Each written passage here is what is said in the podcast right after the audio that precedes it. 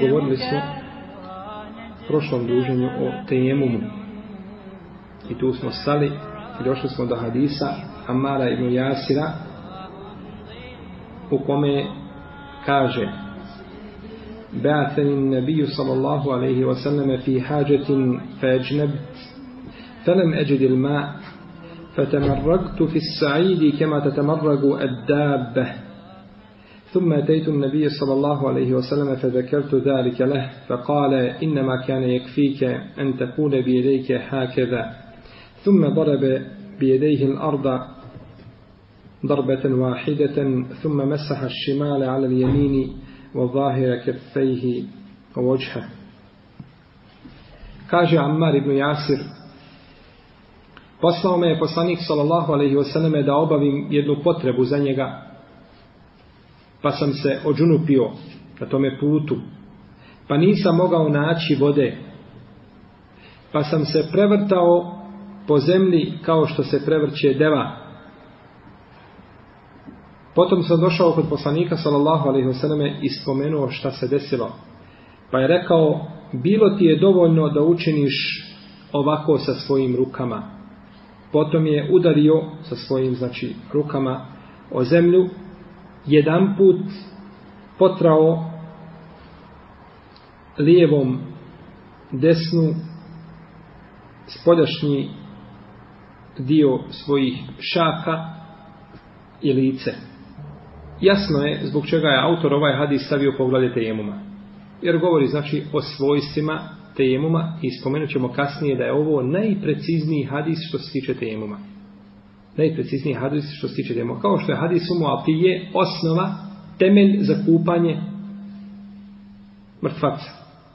Tako isto je ovaj hadis temelj za temom. Ravija hadisa Ammar ibn Jasir, on je ashab, sin ashaba. Ammar ibn Jasir, ibn Amir ibn Malik, Al-Abesi, Ebol Jakavan, Meura, Beni Mahzum. Njegova majka zvala se Sumeija i bila je ashabika ili sahabika. Otac mu je bio kažnjavan u Mekki ili bio je mučen. Pa je prolazio pored njih poslanik sallallahu alejhi ve selleme i govorio sabran ale Yasir fa inna maw'idakum al-jannah. Strpite se o porodico Jasirova, vaša konačnica je u džennetu. Kaže šejh Albani da je ova predaja ispravna vidimo da poslanik sallallahu alejhi ve u Mekki nije znači mogao da pomogne ashabima. Vidi da su njegovi sledbenici mučeni i oporučuje im sabr. Ništa im drugo nije mogao oporučiti nego sabr, ali sabr koji ih vodi izravno u džennet. Njegova majka Sumeja je prvi šehid žena u islamu. Došao je Ebu Džehl i probao koplje kroz njeno stido mjesto. I tako je ubio pa je Islam znači tada prvi put se sreo sa ženom šehidom no međutim mi smo spominjali kako je Ebu Džehl završio da su ga ubila dva dječaka da su ga ubili Muaz ibn Amr i Muaz ibn Afra dva dječaka momčulika su ga ubila pa je to bila njemu kazna od Allaha Tebarek da na Dunjaluku a ahiretska kazna je bolnija kada bi oni to znali kaže se za Ammara ibn Jasira da je on jedini ashab čiji su roditelji primili islam u Mekke. Da su znači oba dva roditelja od jednoga sahaba primila islam u Mekke, to je bio samo on. Vidimo znači kada je došao islam, da su ljudi ulazili u islam, ali roditelj neće. Ili uđe jedan, a neće drugi. I u ome, u ome sigurno nama je pouka.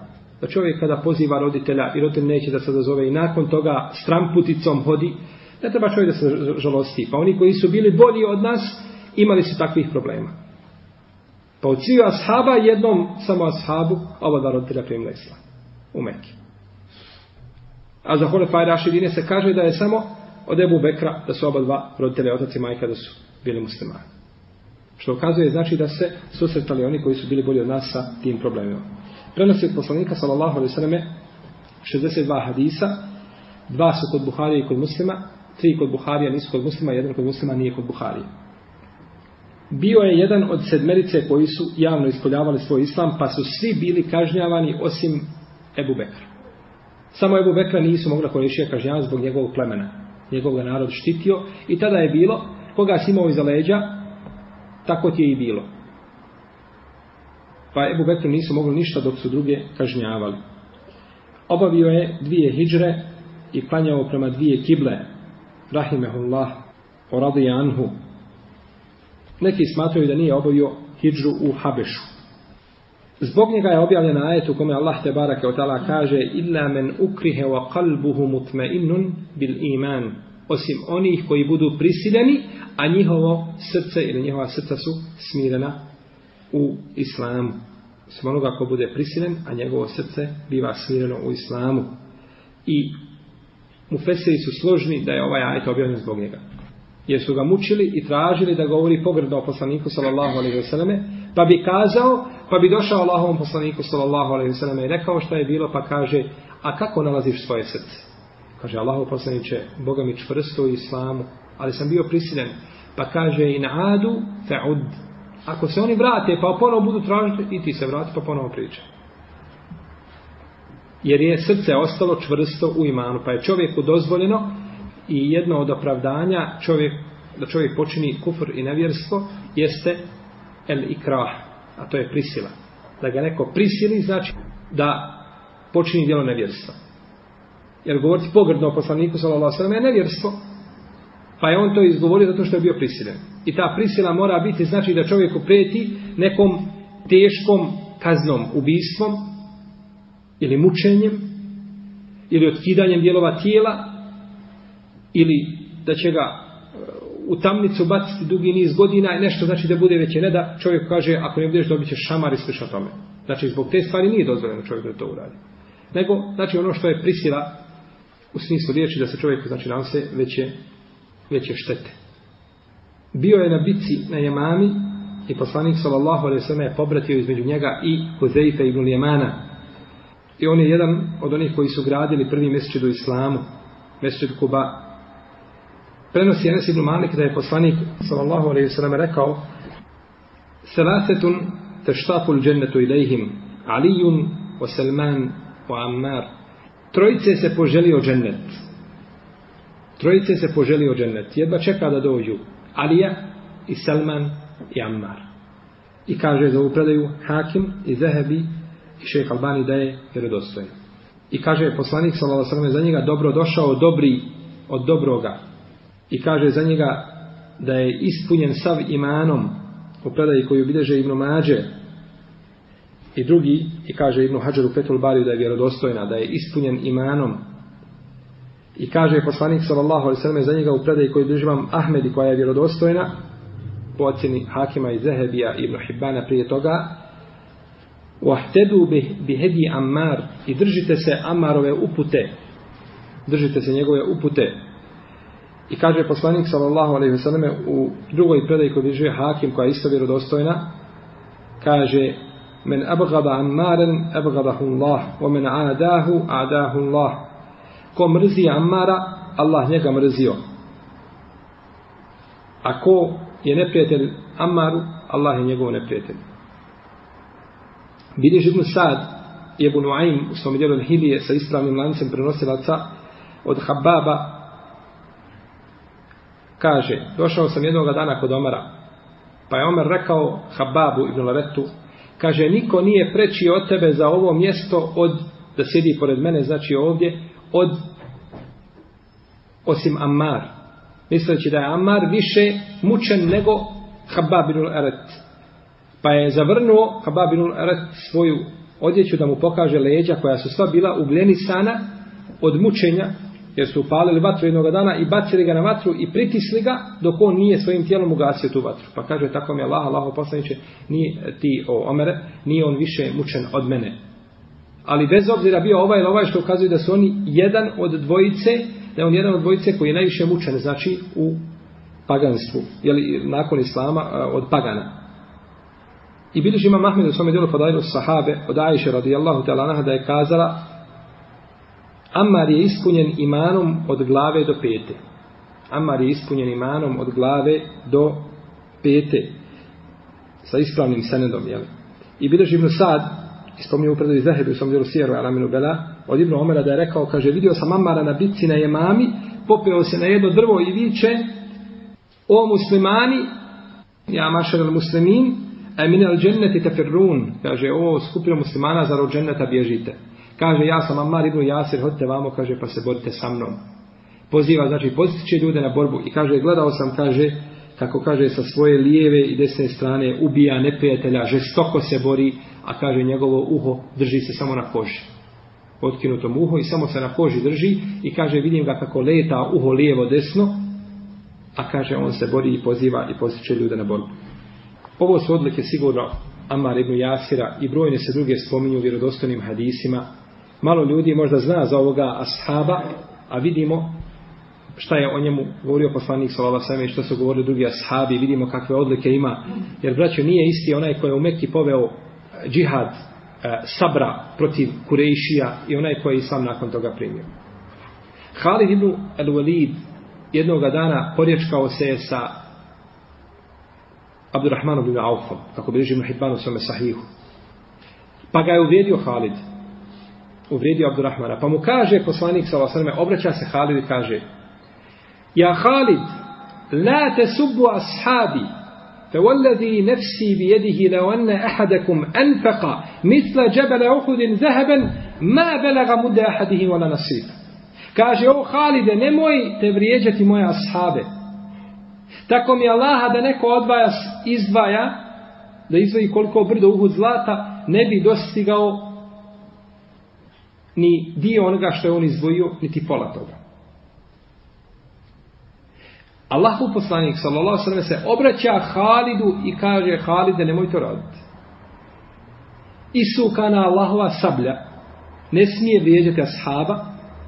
I kao da Allahu poslanik sallallahu alejhi ve kaže o Halide gdje si ti bio Abdulrahman je od prvaka koji su ponijeli teret islama, ponijeli teret islama gdje? U Mekki. Kad ga je najteže bilo nositi, on, on ga je nosio. I on je jedan od deseterice kojima je obradovan džen, koji su obradovani sa džennetom. I gdje si ti tada bio Halide? Ti si tada borio se protiv muslimana.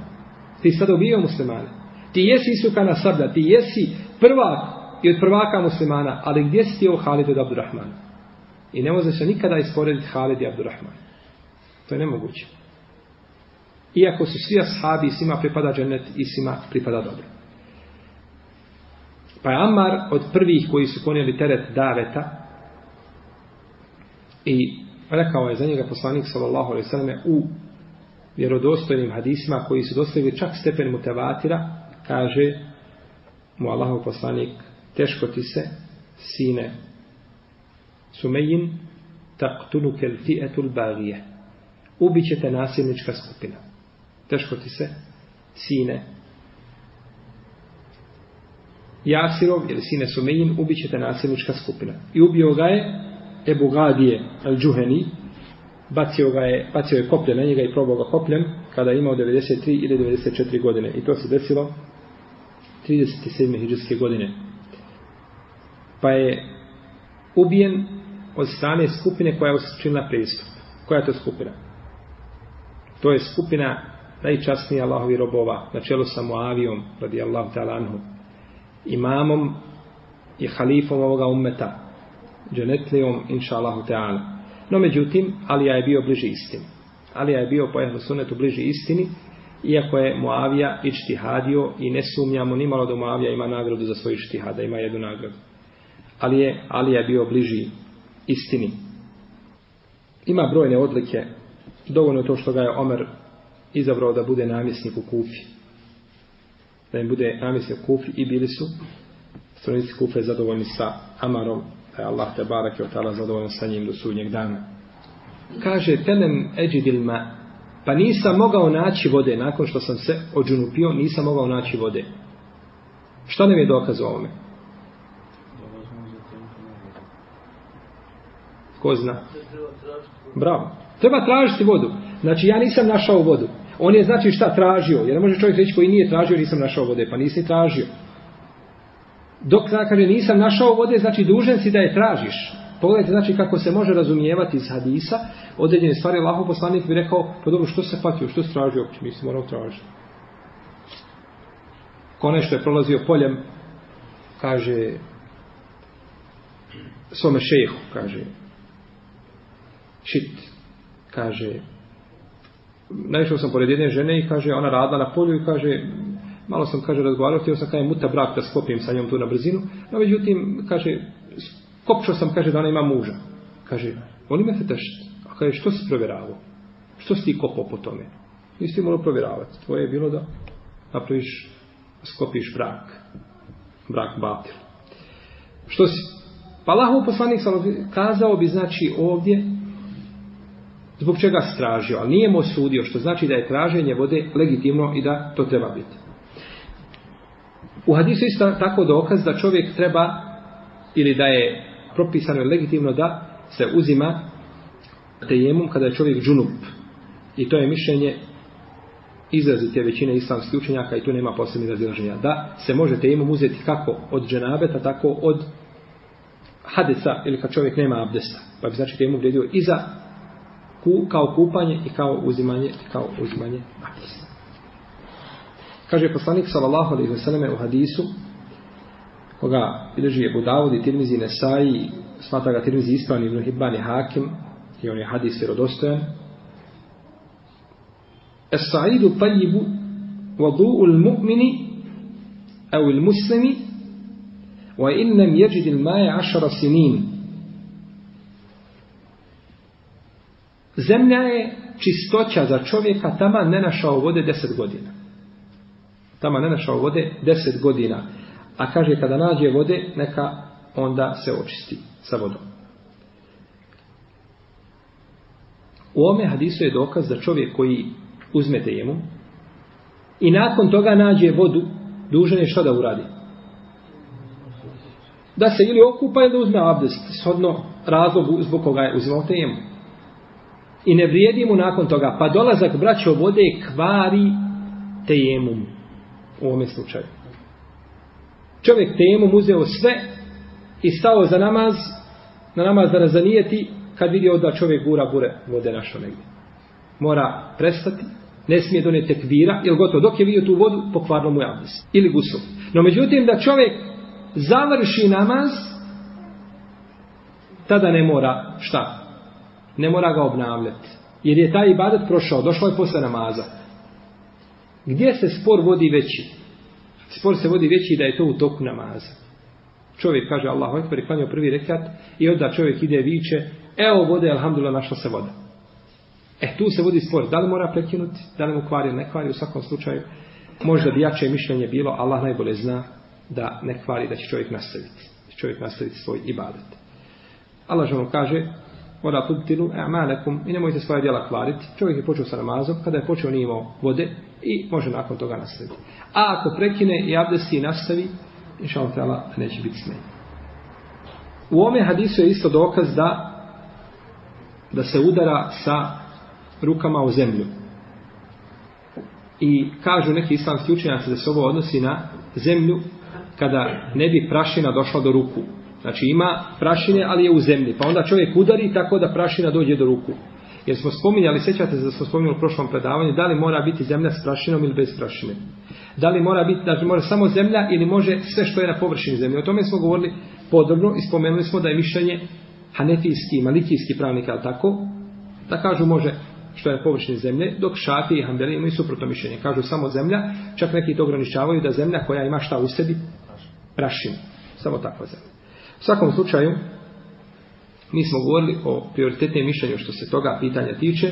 Ovdje kažu kada je Allahov poslanik udario, kažu vjerojatno je bila prašina ispod, pa tako da bi prašina pri udarcu znači došla na ruke.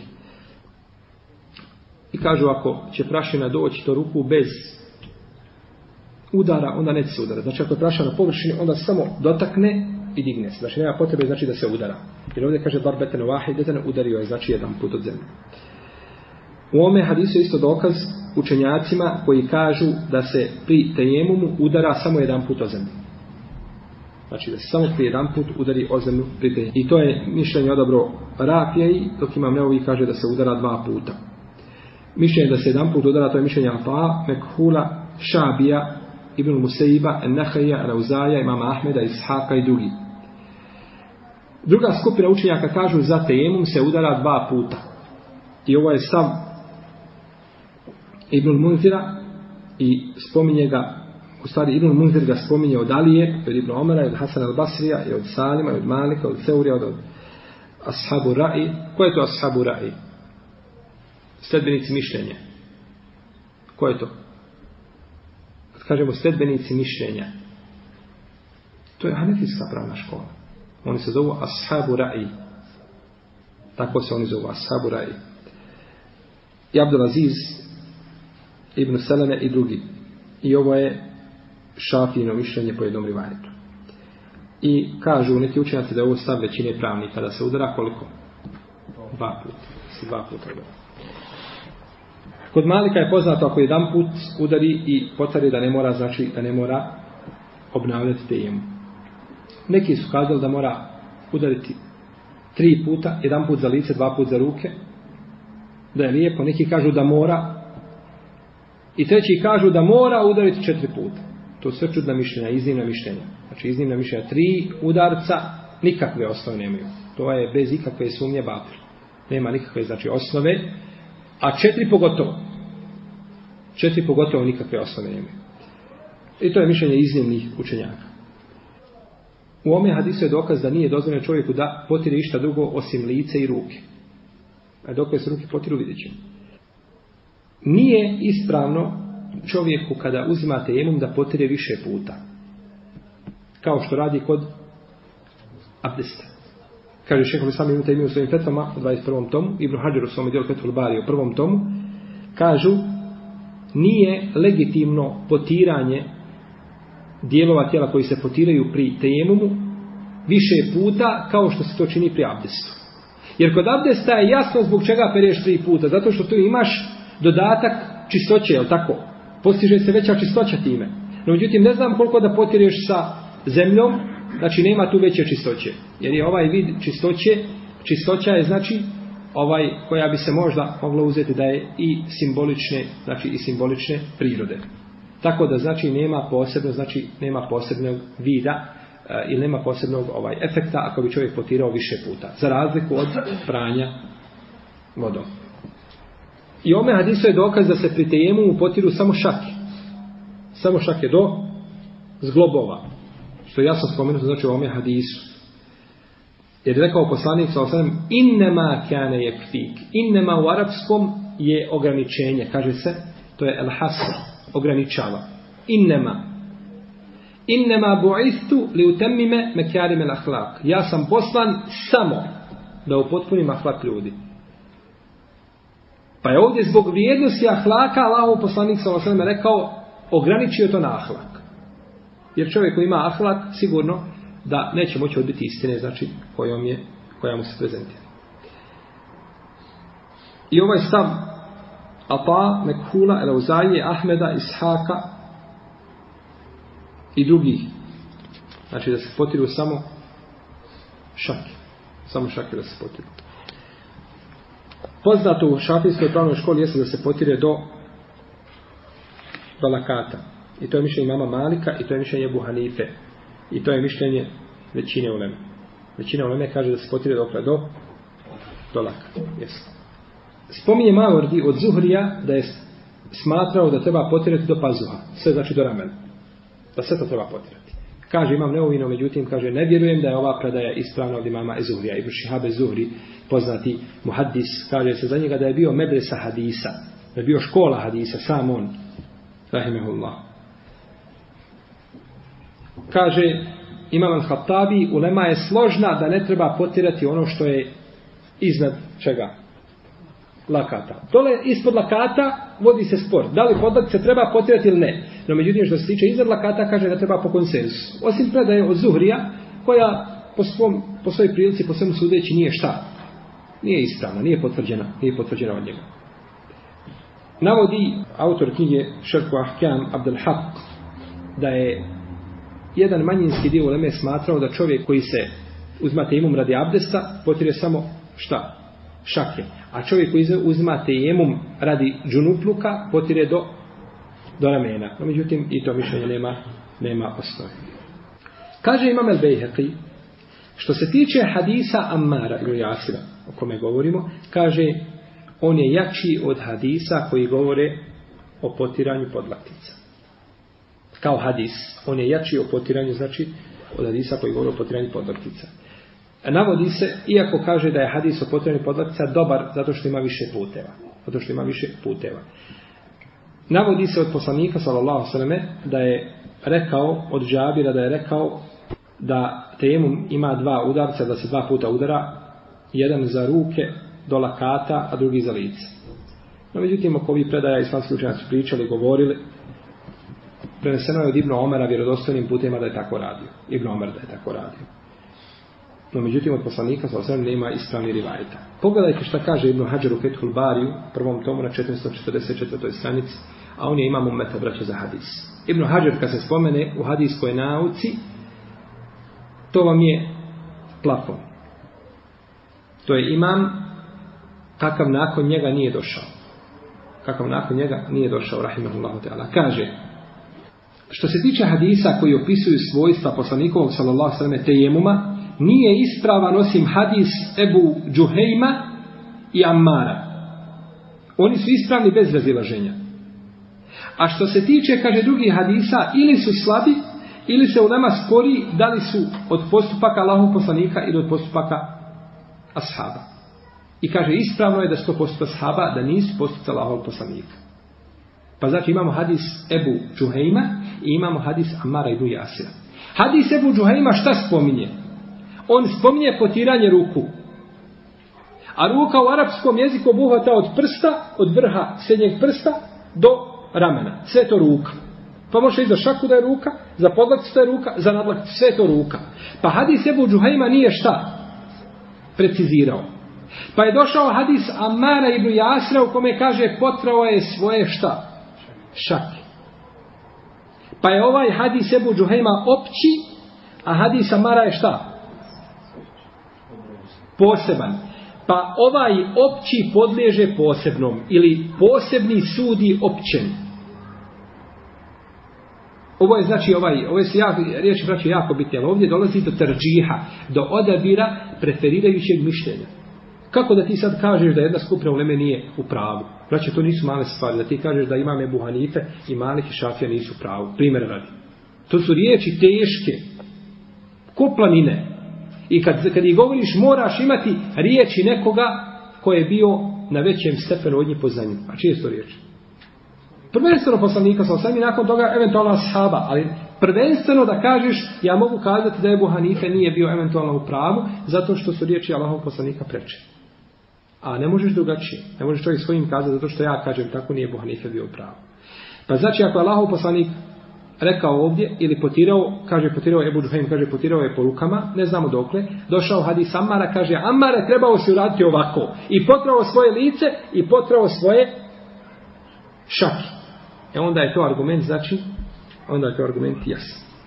I ono što pojačava predaju potiranja po šakama, jeste to što je Ammar ibn Jasir nakon smrti poslanika, salao sveme, izdavao fetvu da se pri tejemu potiru samo šta? šaki. A on je pitao, kaže Allahu posljednje, ja sam se prevrtao po prašini kao što se prevrće deva. Pa mu kaže, nisi seba, nego seba urate ovako i pokazao mu, udario svojim rukama i potrao lice i potrao šta? Šake. Pa je on najbolje razumio cilj iz čega? Iz hadisa. Jer drugi ashabi to možda prenose. A Amar je to vidio Allahu poslanika, znači vidio praktično, nije rekao, dovoljno ti je bilo da udariš sa svojim rukama i da potreš lice i šake. Možda bi tu čovjek mogao šta da? Da, da zamijeni, da pobrka. No međutim, kada, kada mu je pokazao kako se udara i šta se radi, onda to čovjek teže zaboravi braće. I spomenut ćemo kasnije da je u tome odlika, da se nekad praktično nešto pokaže. Zato kažu neka ulema kad dođe ravija da je, pazite ovo, došao ravija koji ima slabo pamćenje. Ali kaže, vidio sam Ibnu Omera da se abdesti pa je oprao tako i tako i tako vidio sam ga, pazite. Da je rekao, čuo sam od njega, postoji mogućnost da zaboravi ili da promijeni, postoji. Ali kad kaže, vidio sam ga, to se lahko šta? Ne zaboravlja. Jer viđenje je nešto drugo od slušanja. Zar nije poslanik sa osram rekao, nije isto čuti? Lejsar haberu kel muajene. Nije isto čuti i vidjeti. Musa, ali sam kada je ošao Allah Žešanu na, na Sinaj, dobio je ploče. I Allah Žešanu mu rekao šta je uradio Samiri. I on je uzeo ploče i vratio se. Kad je vidio tele, bacio ploče. Pa kaže poslanik sa osam, nije isto čuti, on je čuo od koga? Od Allaha te barakavtala. Nema nakon toga šta potrebe da provjerava što je stvar jasna kod dan. Naročito njemu kao poslaniku, ali braćo, ipak kad čovjek vidi, zašto Ibrahim a.s. kaže, Rabbi erini kejfe tuhil meuta, gospodar moj pokaži mi kako oživljavaš mrtve. Ma, nije Ibrahim a.s. sumnjao, ni, ni, ni koliko zrnog rušice, ali kaže, de mi pokaži kako, kaže, a, zar ne miruješ? kaže, vjerujem, onak je neopmejne kalbi, vjerujem, ali da mi se srce smiri, da vidim kakvo ću toga. Tako isto, znači i ovdje, kada ravija nešto vidi, va to, to je, to je presuda svemu, znači to sigurno ostaje, to teško čovjek zaboravi, znači, jer ja mogu zaboraviti šta je neko braćo rekao. To lahko zaboravim. Ali šta je neko uradio, ta slika ostaje u glavi i teško se znači i teško se bliži. Kaže Imam Al-Hattabi, ograničavanje na potiranje šaka pri tejemumu je, kaže, jače što se tiče rivajeta. Shodno rivajetima i predajama, kaže, to je jače. A kaže, potiranje do lakta odgovara više nekakvim općim šarijetskim pravilima. Jesu ove riječi ispravne? Nisu. Ne mogu biti ispravne. Kaže, potiranje šaka je jače što se tiče čega? Rivajeta, argumentata. A potiranje do lakata odgovara više pravilima. Pa dobro, ta širijetska pravila, odakve su zeta? Iz sunneta, iz ajeta, iz hadisa. Pa da kažeš da nešto odgovara, znači sunnet ne odgovara općim širijetskim pravilima. Ne možeš tako kazati. Odgovara općim širijetskim pravilima ono što je bliže čemu? Sunnetu argumentima. Da postoji razrežanje, postoji. Ali riječi da je, da je to preče shodno nekakvim općim pravilima, nisu baš na svom mjestu, nisu potpuno precizne. Preče je ono što je kako kažu za sifate Allahove kad govore za svojstva. Kažu, mezheb selefaj eslem. Mezhebu selefi eslem. O mezhebu l'halefi ahkem. Pazite. Vi znate da kod nas, kod ehlu sunneta, kad kažemo Allahova ruka, na što mislimo? Na milost? I na ruku. Na ruku. Mislimo na, da Allah ima ruku. Kakva je ruka, ne znamo. Imamo učenjaka koji kažu da je to milost. Tako ga tumače. Da je to milost, da je to rahmet i tako dalje. Da je snaga i slično tome. Pa kažu sada neki govore o dva mišljenja. Jer selef, to je konsensus selefa da je to ruka. A mi ne znamo svojstvo. Oni kažu, mezheb selefa je eslem. Kako eslem? Eslem tu. To je znači prepustio se dokazima argumentima. A kaže Meseba Halefa kasnijih generacija koji su iskrivili to tumačenje, kažu da je Ahkem, da je mudriji. Pa mi kažemo ono što je Eslem, to je mudrije. Ono što je došlo u argumentima i na čemu je bio Selef, to je mudrije. Ne može biti nikako Selef na jednom, Halef na drugom i da Halef bude upravo. To je nemoguće. To je nemoguće. Tako isto ovdje kažemo, ono što je jače shodno argumentima, to je, to više odgovara šerijetskim, općim šerijetskim pravilama. Mi znamo, na, oni kada su govorili zbog čega potiremo do lakata, zato što ih peremo toga da peremo prije abdest. Jasno, s te strane jeste. Ali imamo tekst. Preće bi ovdje bilo da je, da je bilo kazati potiranje ruku je jače sviče argumenta, ali imaju drugi argument koji ukazuju da se može potirati do lakata. Kažemo, jeste, tako je. Postoje argumenti koji ukazuju, no međutim, da kažem opća širatska pravila, ne, oni se uzmeju za vjerozstojni hadis. Jeste. U ome hadisu isto tako dokaz, braćo, kada neko pošalje nekoga ili kada te neko pošalje da mu učiniš određenu stvar, da je ne govoriš ljudima. Ibn Amma, šta kaže Ibn Amar ibn Jasir? Poslao me da od, uradim neku potrebu za njega. Ima neku potrebu da to odam. Mi ne znamo kakva je ta potreba. Što vas to zanima? Poslao me da izvidim gdje je neprijatelj. Poslao me da donesem mu pismo. Pos... Što za nas nema nikakve, šta, praktične, nema praktičnog značaja. Pa zato nam nije to htio govoriti. Nemate li potrebe, ja ću vam kazati šta se desilo da vas poučim propis. Pa nije znači govorio zbog kakve potrebe ga je poslao poslanik sallallahu alejhi ve sellem. Neki učenjaci iz ovoga hadisa uzimaju dokaz da čovjek koji ičtihadi, pa nakon toga mu se pokaže da, da nije pogodio da ne treba ponavljati. Da ne treba šta? Ponavljati i baditi. To jeste u nekim slučajima, no međutim, u nekim slučajima nije. U nekim slučajima nije.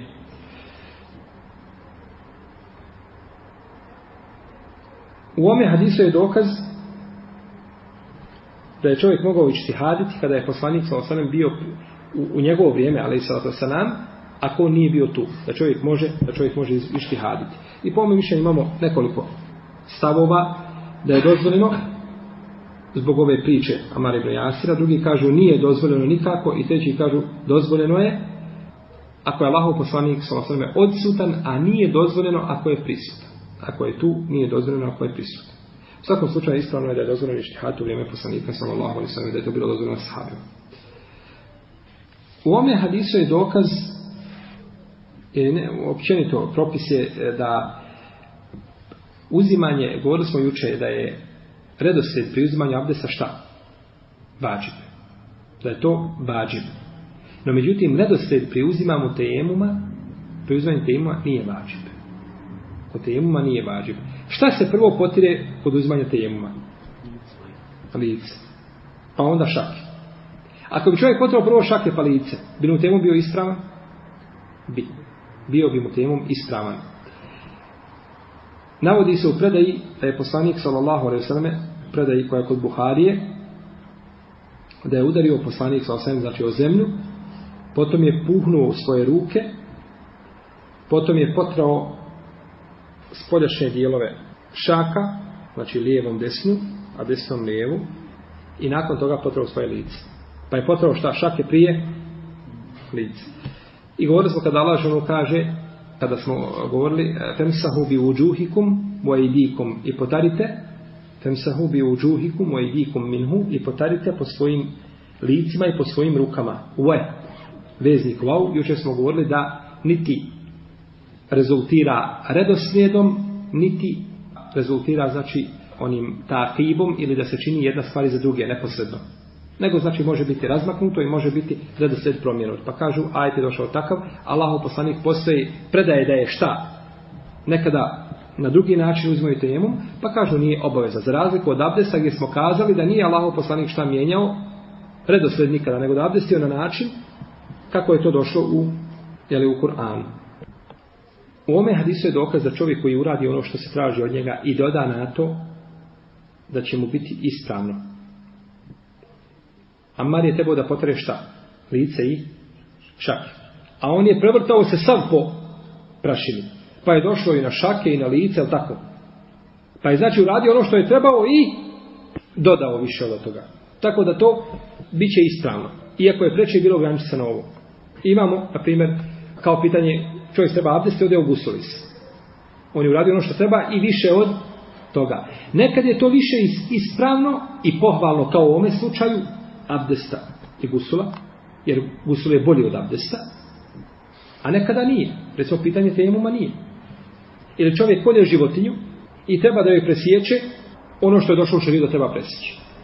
Znači, dvije ove vijene sa arterije sa strana i e, e, dušnik i grkan, I on presječe, presječe cijelu glavu. Oni kažu od viška glava ne boli. Nekada glava je jako boli od viška. Pa je ovdje pogrešno učinjeno. Meso je ispravno ako Bog da. Šal da neće biti. Jer on je presko ono što treba presjeći. No, međutim, da je ostavio vezu između mozga i srca, to bi bilo šta? To bi bilo preče.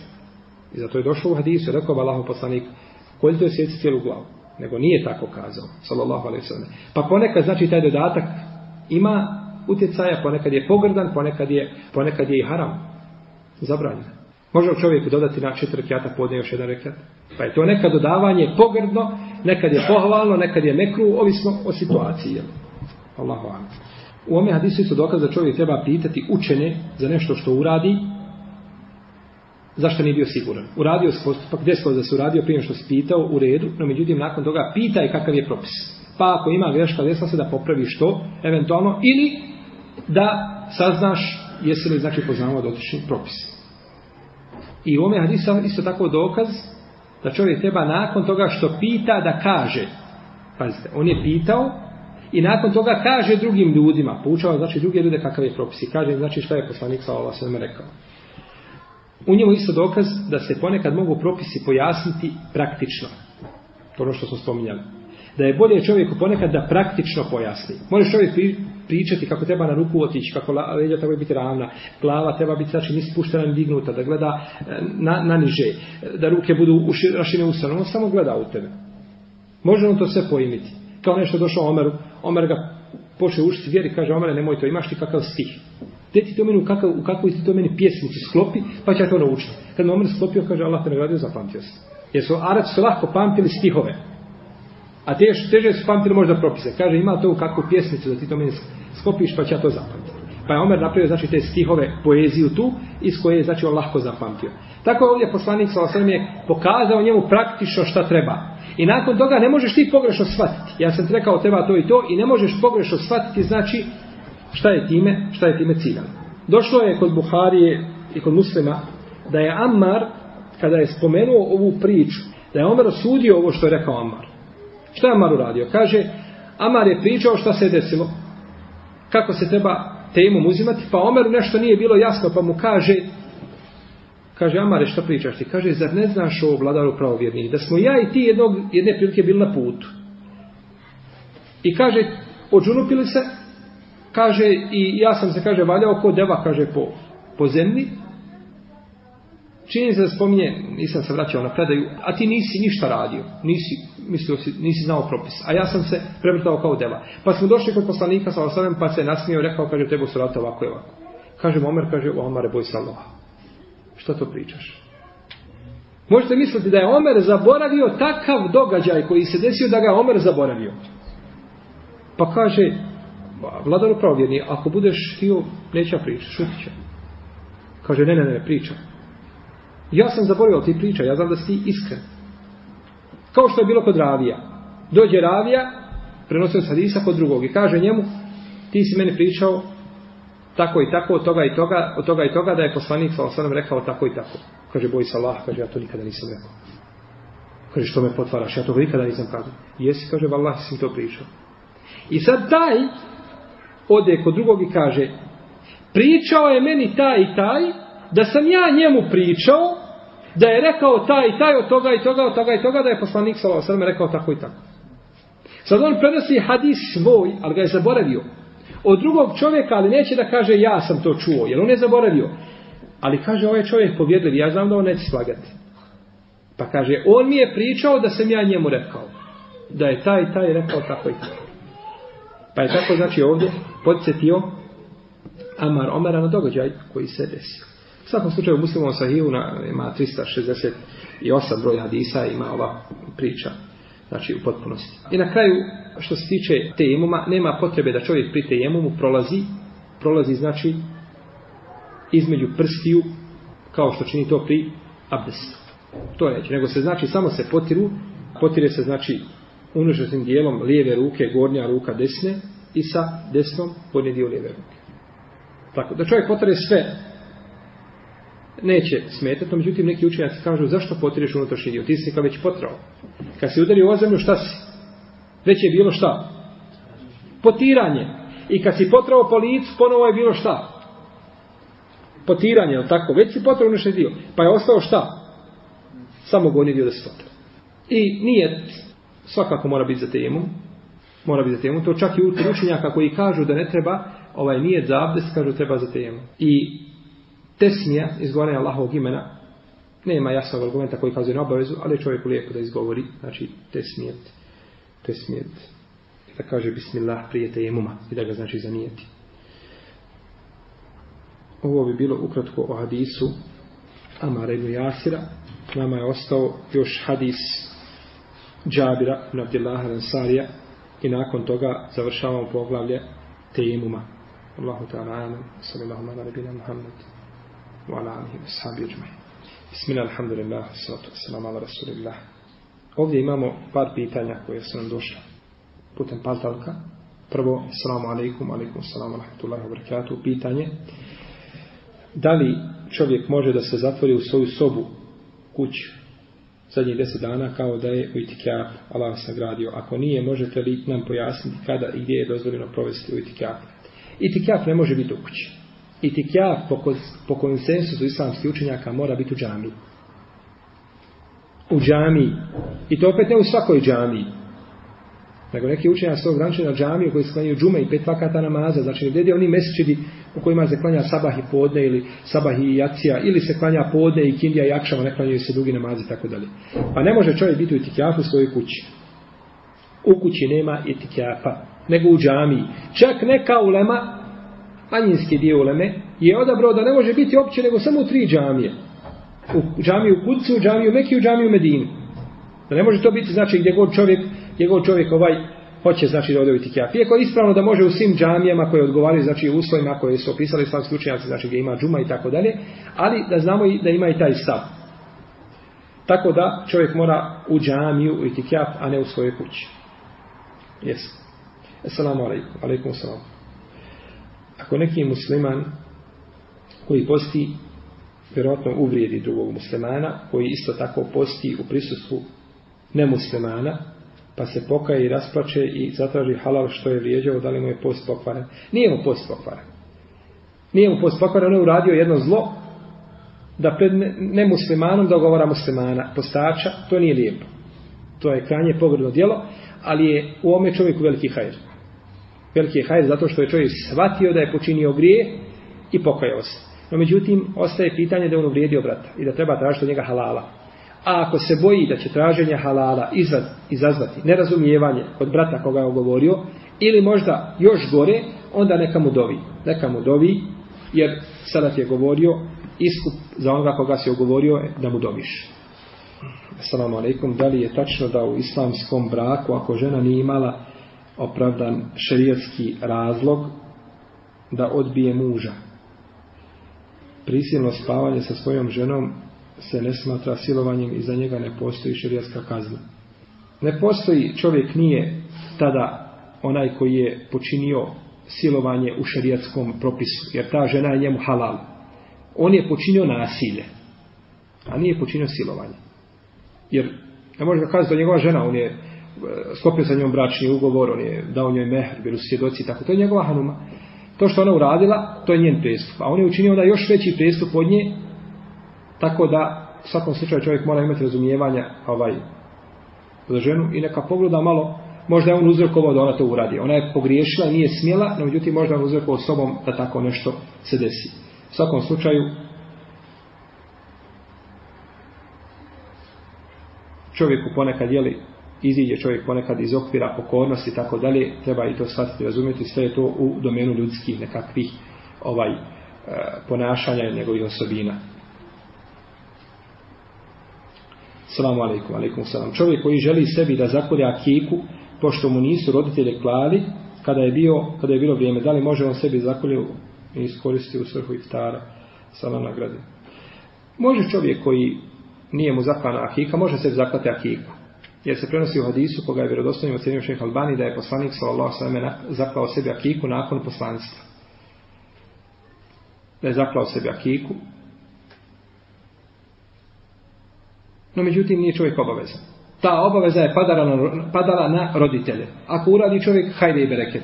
No međutim, ovaj, no međutim nije obavezan. I da to uradi u svrhe iftara, neće inša Allah smetati, no međutim obaveza je ili obaveza je, ne obaveza, već praksa je da se na akik kaže da je to akika toga i toga i tako dalje, pa da se kaže da je to za akiku i onda kada kolje znači da spomene da je to za akiku toga i toga, tako je sunnet. Allahu te ala. Možda pitanje li ste imali? Ovaj, ako znači čovjek neposredno, znači, hvala kiše, da je se mokrila, ali opet i znači uspio da se okupa od te kišne strane, kako uzeti tu te mokre zemlje, jer onda te mokre zemlje nema prašnje. Mi smo kazali da prašina znači nije uvjet nije uvjet za ispravnost sejemuma. Ta prašina ne mora biti. Tako da nestanak prašine padanjem kiše i tako dalje, tada čovjek da dotakne samo zemlju i e, da obriše ruke koliko može da poslanik sa dotakao prašinu i potom puha u ruke. Tako da čovjek ovaj dotakne samo zemlju nakon toga da abdesi tako kako jeste, ne smetiš. Jer je otežanje je veliko da mi obavežemo ljude na prašinu. Čovjek ponekad putuje u planine, u brda nema, nema tu zemlje s prašinom. Putuješ, na primjer, negdje planina, sve kamen, kako ćeš tu, šta ćeš onda raditi? Znači, nema tu olakšice. I kad bi bilo to ograničeno samo na određenu stvar, nema tu stvar prave olakšice. Tako da ono sve što je na površini zemlje, o čemu smo govorili, to je preče. Allahu alam slučajan, kad imaš došlu situaciju, na primjer imaš pravice temu, možeš sjeđati na goloj zemlji temu, kad ima travu, šta je priča? Preće je na goloj zemlji, preće je na goloj zemlji uzmati temu. Znači, Jer zemlja je ono oko čega ne, nema razilaženja. A dok ove druge stvari ima, znači pitanje kamenja, pitanje ruda, o tome postoji spor među islamskim učenjacima. Da li je dozvoljeno možete skurtan tu za se bez abdesta? Pa ako si izgubio abdesta, ne možeš da prijuče da uzmeš abdesta? Ako ti, ne, ne, kuran ti u džepu ne smeta. Kuran ti u džepu, samo ti ga nemoj rukom dirati. Jesi on je doca, znači golom rukom. Jesi. A da ga nosiš, ne smetaš. Jesi. To je znači stav hanefijskih pravnika i malikijskih, sve što je na zemlji. Čak su neki otišli malikije da može i drvo koje je vezano sa zemljom. Jer kaže poslanik sa osanem džujelet lijel ardu mesčiden otahura, učinjena mi je zemlja čistom. Kaže zemlja i sve što je na površini zemlje, sve što smatra, sve to, sve to bukata zemlje. Ali eto, čovjek da traži zemlju, ako ima mogućnost, ona je preča.